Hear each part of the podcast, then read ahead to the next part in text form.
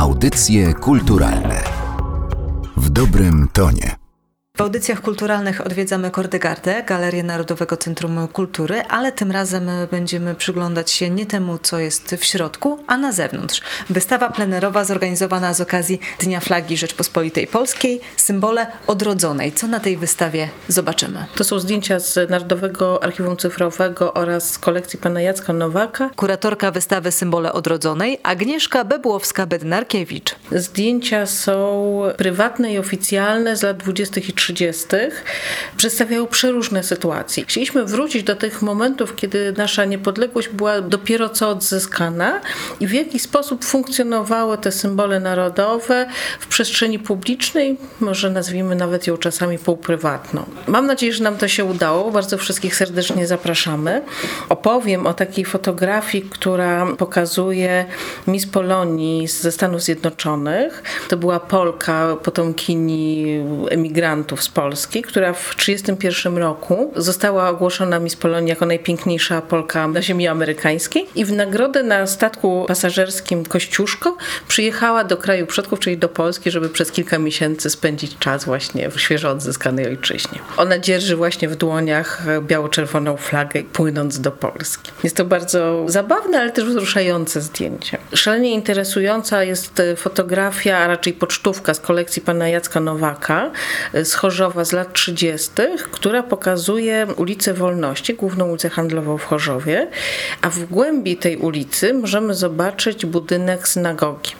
Synagoga również, podobnie jak inne budynki na tej ulicy, jest udekorowana flagami biało-czerwonymi. Z tym się wiąże taka historia, że ponieważ, jak wiadomo, na Śląsku był plebiscyt, czy te ziemie mają należeć do Polski, czy nie, gmina żydowska podzieliła się na dwie frakcje. Jedni byli zwolennikami, żeby Chorzów, czyli wtedy Królewska Huta, należało do Niemiec, a drudzy do Polaków. Kiedy w plebiscycie wygrała Polska, to ci członkowie gminy żydowskiej, którzy opowiedzieli się za Niemcami, wyemigrowali do Niemiec, a tamci zwolennicy y, obecności Polski na tych ziemiach udekorowali synagogę biało-czerwonymi flagami. Inną fotografią, może fotografia sama w sobie nie jest tak bardzo interesująca, bo widzimy kilka osób, które stoi na mównicy, w tle jest biało-czerwona flaga. Natomiast ze względu na miejsce oraz osoby może wzbudzić duże zainteresowanie. Jest to fotografia z Detroit z lipca 1932 roku, gdzie znajduje się lotnik Stanisław Hausner. To był pilot, który wielokrotnie chciał przelecieć przez Atlantyk, ale także wykonywał liczne loty akrobatyczne dla wytwórni filmowej Warner Bros. Natomiast zginął tragicznie, jak to bardzo często było wśród lotników, w roku 1935, kiedy wykonywał akrobację nad kościołem w Detroit, kiedy była ceremonia żałobna po śmierci zmarłego marszałka Józefa Piłsudskiego. Chcieliśmy, żeby duża część tej wystawy pokazywała zdjęcia dotyczące życia Polonii za granicą, dlatego że 2 maja jest dniem flagi, ale również dniem Polonii i Polaków za granicą. I chcieliśmy połączyć to, pokazując jak symbole narodowe były dla naszych współziomków, rodaków, czy oni mieszkali w Polsce, czy mieszkali za granicą, tak samo ważne, tak samo istotne i tak samo były powodem do dumy i były prezentowane z radością i dumą. Wystawa plenerowa Symbole Odrodzonej wpisuje się w kampanię Barwy Wspólne. Prowadzimy w tym roku kampanię Barwy Wspólne, która ma pokazywać nie tylko miłość do ojczyzny, którą prezentujemy używając godeł państwowych czy flag państwowych, natomiast chodzi nam też o prawidłowe używanie. Chcemy wpływać na ten entuzjazm, z jakim Polacy używają barw narodowych, natomiast pokazać im ten dobry kierunek, ten właściwy.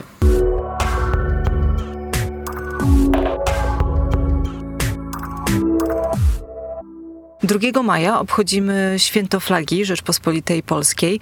Pod koniec kwietnia ruszyła kampania społeczna organizowana przez Grupę Lotos i Narodowe Centrum Kultury, która ma zwiększyć świadomość Polaków w zakresie poszanowania polskiej flagi i tej wiedzy na temat e, symboli naszych państwowych e, chyba nigdy dosyć, bo o pomyłkę nie jest trudno już na samym początku. Symbole państwowe czy narodowe? Barwy państwowe, barwy narodowe. Jak powinniśmy je prawidłowo określać? I tak, tak i tak. To jest dobre i to jest dobre, ale raczej narodowe. Krzysztof Jasiński, weksylolog. Teraz staramy się, żeby naród pokazywał nasze barwy biało-czerwone, wywieszał flagę, czy eksponował, jak niektórzy mówią, że wywieszanie flagi jest błędem, tylko trzeba flagę eksponować. W świecie bywają takie rozróżnienie flagi narodowej od flagi państwowej. No, chociażby Białoruś. Andrzej Bełłowski. W naszym wypadku właśnie ta flaga narodowa istnieje, no już można powiedzieć 155 lat, bo jako bandera była ta flaga używana w czasie powstania styczniowego. No i cały czas y, pod tą flagą walczyliśmy o niepodległość. Polacy przy różnych okazjach wywieszają flagi, czy też eksponują flagi właśnie, czy przy okazji świąt narodowych, ale również podczas dużych imprez sportowych chcą się pochwalić, skąd pochodzą. Zdarza się, że na fladze jeszcze piszą dodatkowo nazwę miasta albo jakieś inne ważne dla siebie miejsca, czy nazwę drużyny. Tego podobno robić nie powinniśmy. Nie wolno umieszczać na fladze żadnych napisów, żadnych nazw miast, jakichś swoich imion, czy coś w tym stylu. Jest to bardzo dziwny przykład, ja to nazywam nową religią kibicowską. Szczególnie to jest widoczne na skokach narciarskich. Myśmy dzisiaj mówili o tym, że tego się nie powinno robić. Chociaż na konferencji prasowej nasz kolega Alfred Znamierowski powiedział, że na fladze nie wolno, ale na barwach narodowych można pisać. Ja się z tym nie zgadzam. Uważam, że ani na fladze, ani na barwach narodowych nie powinno się umieszczać żadnych napisów dodatkowych. Po to są barwy, chronimy barwy narodowe i chronimy flagę, więc nie powinniśmy na tym umieszczać żadnych napisów. Można by coś takiego wymyśleć, nie wiem, jakoś po skosie dać biało-czerwone, wtedy coś tam sobie napisać. Ale nigdy, że układ barw jest poziomy, u góry białe, u dołu czerwone nie powinno się na tym umieszczać żadnych napisów. Ja tu miałbym pewien pomysł, żeby zachować jedno i drugie, żeby były eksponowane barwy narodowe, no i także ten napis y, miasta, z którego pochodzą ci kibice. Niechby to był na przykład y, czerwona szarfa i napis białym kolorem, ale takim dominującym białym, żeby to nie był taki czerwony łozung, jak to w Rosji są, tylko podkład czerwony, ale napis dużymi, grubymi literami nazwy tej miasta czy powiatu. Bo tak rzeczywiście barwy narodowe w postaci wstęgi biało-czerwonej i czarny napis to rzeczywiście fatalnie wygląda. Jeżeli chodzi o inne pomyłki, które mogą się nam przytrafić, kiedy będziemy chcieli te barwy narodowe eksponować i które cały czas Polakom się przytrafiają, to jest nierozróżnianie flagi i bandery, godła od herbu. Może moglibyśmy wyjaśnić, podpowiedzieć, w jaki sposób prawidłowo eksponować nasze barwy. Na terenie kraju używamy flagi biało-czerwonej bez herbu. W ustawie jest podane, że to jest godło, ale to jest herb. Orzeł na tarczy herbowej to jest herb. Tak jak mamy herby miast, tak powinno być herb polski albo herb Rzeczpospolitej Polskiej. Jest to jeszcze spadek po poprzednim systemie, bo po prostu ustawę obecną, która obowiązuje w Polsce, przerobiono ze starej, robiono pośpiesznie, nie przykładając zbytniej wagi do słownictwa, bo w PRL-u słowo herb było słowem nielubianym, kojarzyło się ze szlachtą, z bogaczami, a gdzie PRL gdzie herby. A kokarda narodowa i kotylion.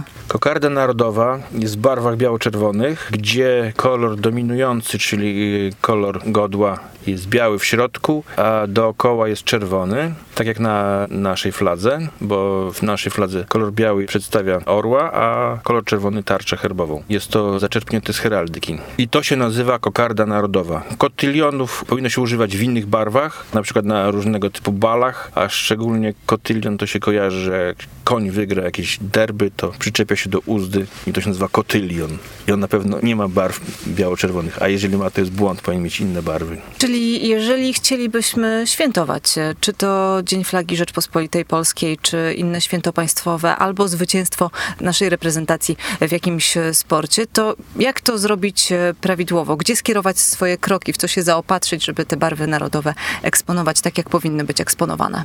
No najlepiej jakieś własne przemyślenia zrobić. Tak jak powiedział kolega, że lepiej na jakimś czerwonym tle biały napis, wtedy to będzie trochę heraldyczne i nie będzie naruszało naszych barw narodowych. Po prostu trzeba ludzi uświadamiać, że popełniają błąd, pisząc na fladze czy na barwach narodowych czarnymi mozakami czy innymi farbami. Natomiast jeżeli chcemy uczcić święto państwowe, wtedy na domu eksponujemy flagę, normalną flagę w proporcjach 5 do 8, tak jak przewiduje ustawa i umieszczamy ją na maszcie albo na drążku zatkniętym na ścianie przy wejściu do domu. I to się trzymają w ciągu dnia, no chyba, że jest dobra pogoda, a flaga nie jest narażona na znieważenie, można zostawić na noc, czyli pierwszy, drugi, trzeci maja może być eksponowana flaga. A skoro już rozmawiamy o naszych symbolach narodowych, to może sięgnijmy trochę do historii i przypomnijmy, skąd one właściwie się wzięły. Nasz herb ma długą historię. O tak, od początku naszej państwowości, z tym, że początkowo to był orzeł biały, był herbem księcia czy króla, herbem osobistym władcy. Natomiast jako herb państwowy to od 1295 roku, bo Przemysł II przewidział właśnie orła białego jako herb całego królestwa. I od przeszło 900 lat już orzeł biały jest e, naszym herbem narodowym, herbem państwowym. Natomiast e, flaga jako taka ma krótszą metrykę. W zasadzie pierwsza ustawa o fladze jest dopiero z 1919 roku, z 1 sierpnia 1919 roku, po odzyskaniu niepodległości. Z tym, że początek flagi, a właściwie bandery, datuje się od 1000 e, 1863 roku, bo wtedy ta część powstańców, która się znalazła na zachodzie, postanowiła walczyć w sposób no, nietypowy jak na tamte czasy. Zakupiono w Anglii statek, który miał przepłynąć przez Morze Śródziemne na Morze Czarne i tam od południa walczyć o cele powstania. Z tym, że no niestety bandera była przygotowana, nie była jeszcze podniesiona na statku, dlatego że początkowo pod brytyjską banderą wypłynął, a dopiero na Morzu Czarnym miał podnieść tą banderę polską. To była tak identyczna jak dzisiejsza, z tym, że herb był oczywiście nie taki, bo ten herb jest od 1927 roku, a tam miał być herb taki, jaki rząd narodowy używa, czyli trójpolowy herb z dużą koroną nad tarczą herbową. Herb orła, pogoni i archanioła jako symbol Rusi Kijowskiej. I takie były początki polskiej flagi, w tym wypadku no, bandery. Bo w ogóle, kiedy flagi jeszcze nie były używane, bo flaga państwowa, to to pojęcie jest stosunkowo późne. Początkowo używano herbów, natomiast władca jako swój propozyt osobisty miał sztandar albo chorągiew, niezależnie jak to się nazywa, ale każdy władca w prawym ręku trzymał drzewce z chorągwią swoją.